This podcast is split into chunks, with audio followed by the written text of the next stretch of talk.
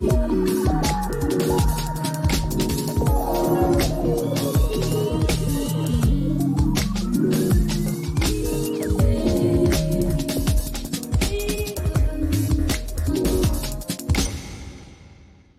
Dobrodošli u prvu ovogodišnju arteriju koja posle novogodišnjih praznika i neradnih dana kada su kulturne ustanove bile zatvorene ima drugačiji izgled. Naime, umesto redovnih rubrika o dnevnim i aktuelnim dešavanjima, donosimo preglede važnih događaja u kulturi 2023. Tačnije, govorit ćemo o književnim tendencijama i trendovima, pozorišnim premijerama.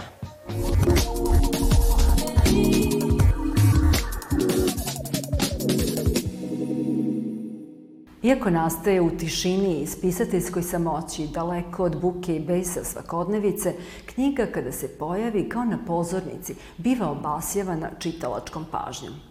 I u 2023. godini ona je uspevala da zadrži primat nad svojim daleko mlađim i modernim pandanom, elektronskom knjigom.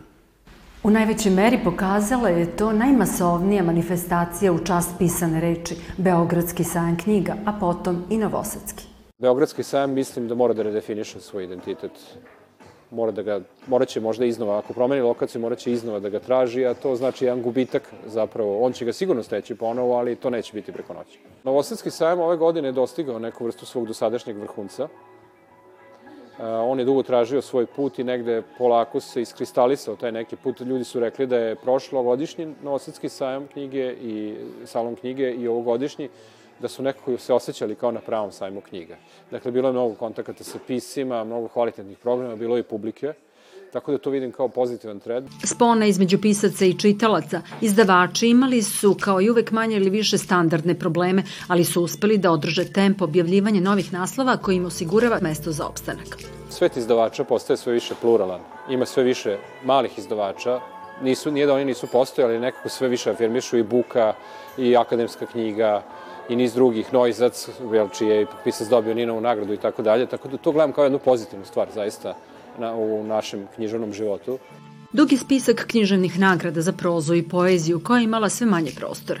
Na samom početku godine najveće književno priznanje Ninova nagrada uručeno je Danici Vukićević za roman Unutrašnje more. Dejan Medaković iz davačke kuće Prometej na njen dan pripala je Emiru Kusturici za knjigu Vidiš li da ne vidim posvećene Nobelovcu Peteru Handkeu, koju je objavila Srpska književna zadruga. Zmajeva nagrada Matice Srpske, najstarije književno priznanje za najbolju knjigu poezije, pripalo je Miodragu Rejčeviću za zbirku o stvarima koje je Homer propustio. Velika Andrićeva nagrada pripala je Enesu Haliloviću i Sandru Veroneziju, Andrićeva nagrada Darku Tuševljakoviću za zbirku priča Hangar za snove u izdanju Gradske biblioteke Karlo Bjelicki iz Sombora.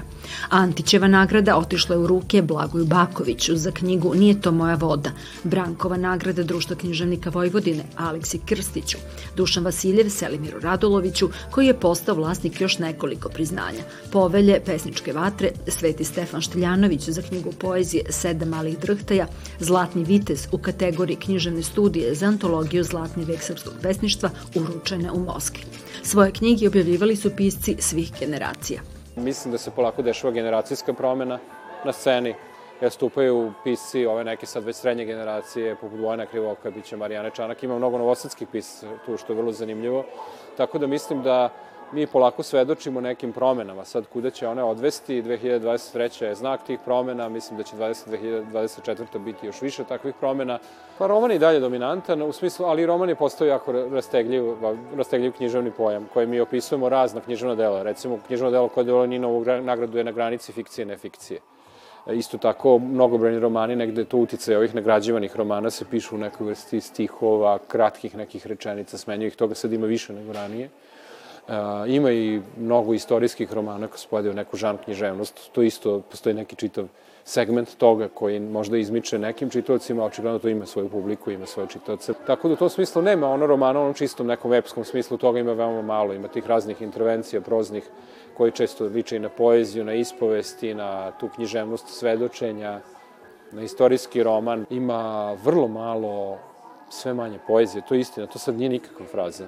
Mislim, nje ima, ona živi na internetu i u nastupima, ali u formi knjige ima sve manje. I to je evidentno. sve manje ima nefikcijalnih knjiga, iako recimo ove godine e, za nefikcijalnu knjigu postoji nagrada Doma kulture Studenski grad, tu je bilo sjajnih knjiga. Ima ih, ali nije broj veliki.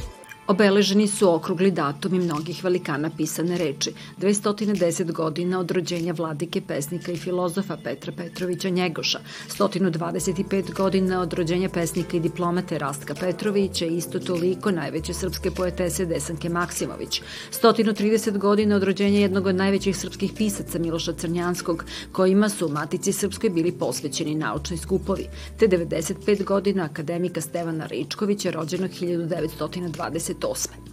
Od književnih aktivnosti i manifestacija izdvemo neke sa dužom ili kraćom tradicijom. Međunarodni Novosadski književni festival, Brankovo kolo, regionalnu književnu konferenciju Book Talk, Međunarodni festival Proze Fest koji je doveo u Novi Sad najveće imena svetske književnosti, deseti po redu festival ljubavi prema čitanju na brodu Cepelin i dva tek u povoju, drugi po redu Međunarodni književni festival Fellowship koji je prošle godine bio prvi put održan u ovom delu Evrope, novi festival Sofa u knjižari Boulevard Books, dok je završen ciklus tribina Novi Sad, književni ili jedan sasvim obični grad.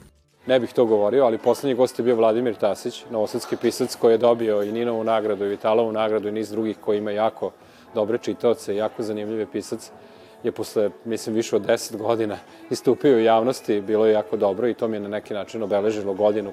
Ostali smo bez pisateljice Gordane Kujić, koja se u svojim književnim radovima bavila istorijom i sudbinom jevreja progonjenih iz Španije, akademika, pisca, scenarista i dramaturga koji će ostati upamćen po specifičnom tipu junaka koje je uveo u srpsku književnost Dragoslava Mihajlovića, Davida Albaharija, jednog od najznačajnijih domaćih književnika i prevodilaca, lucidnog do poslednjeg daha, duhovitog i punog znanja, preminulog u 76. godini, a pred sam kraj godine profesorke uzmene književnosti i folkloriskinje profesora profesora emeritusa Marije Kleut.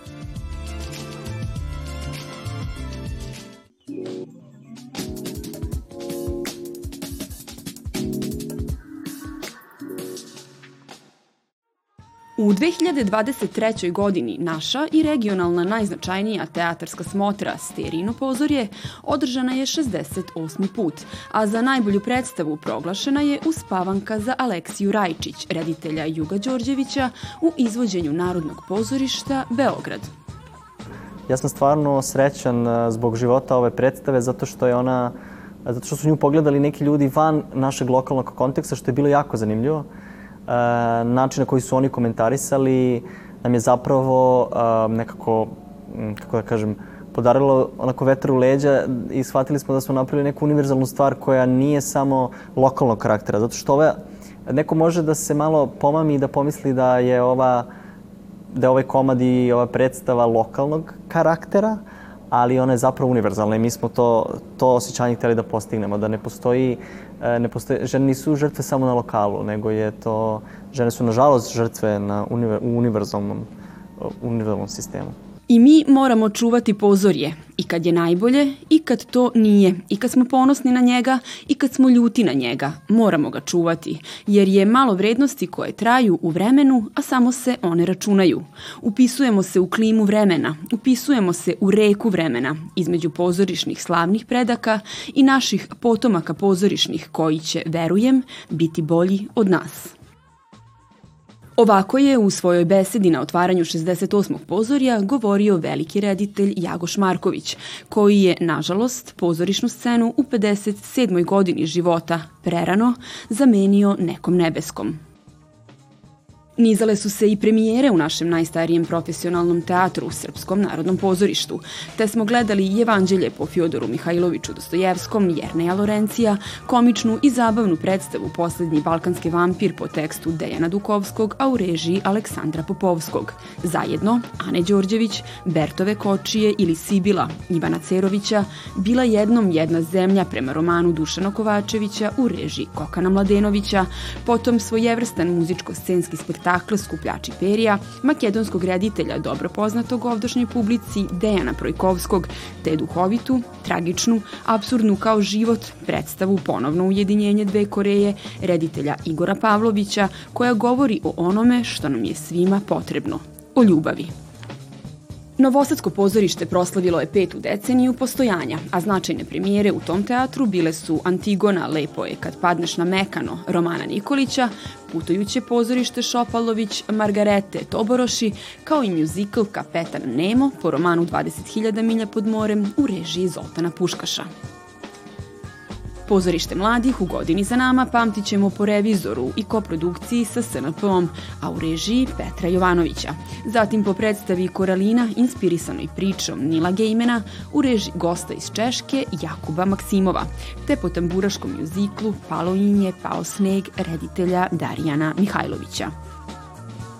Koprodukcija Narodnog pozorišta Sombor i grad teatra Budva sa rediteljem Vitom Tauferom donela je novu inscenaciju kultne predstave Radovan III, dok se u Narodnom pozorištu Sterija u Vršcu izdvojila predstava Komedija iz mraka.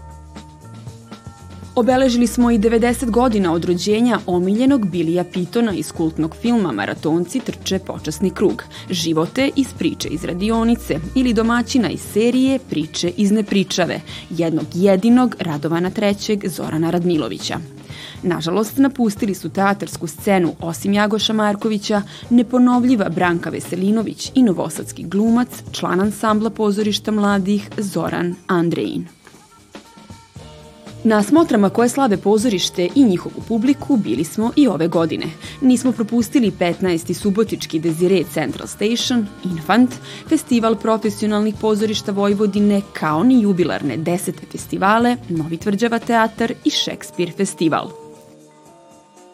Pred sam kraj godine ispratili smo i uručenje vrednog esnavskog priznanja Dobričin prsten dramskom umetniku raskošnog dara Borisu Isakoviću zašto se ja vezujem, to je uvek sadržaj i dostojno obraćanje gledaocu i odgovornost zapravo prema, prema svakom čoveku.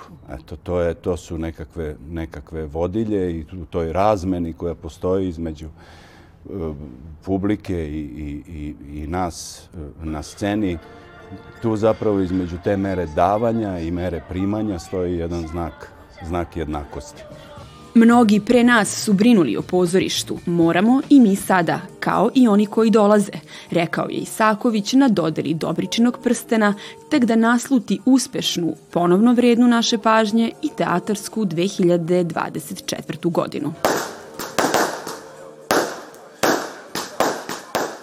Svečana premijera dugo očekivanog nastavka najgledanije ruske komedije Sluga 2 u režiji Klima Šipenka biće održana u bioskopu Arena Cineplex sutra od 20 časova. Novosadska publika će nakon projekcije imati priliku da pozdravi jednog od glavnih glumaca Miloša Bikovića. Prijatno!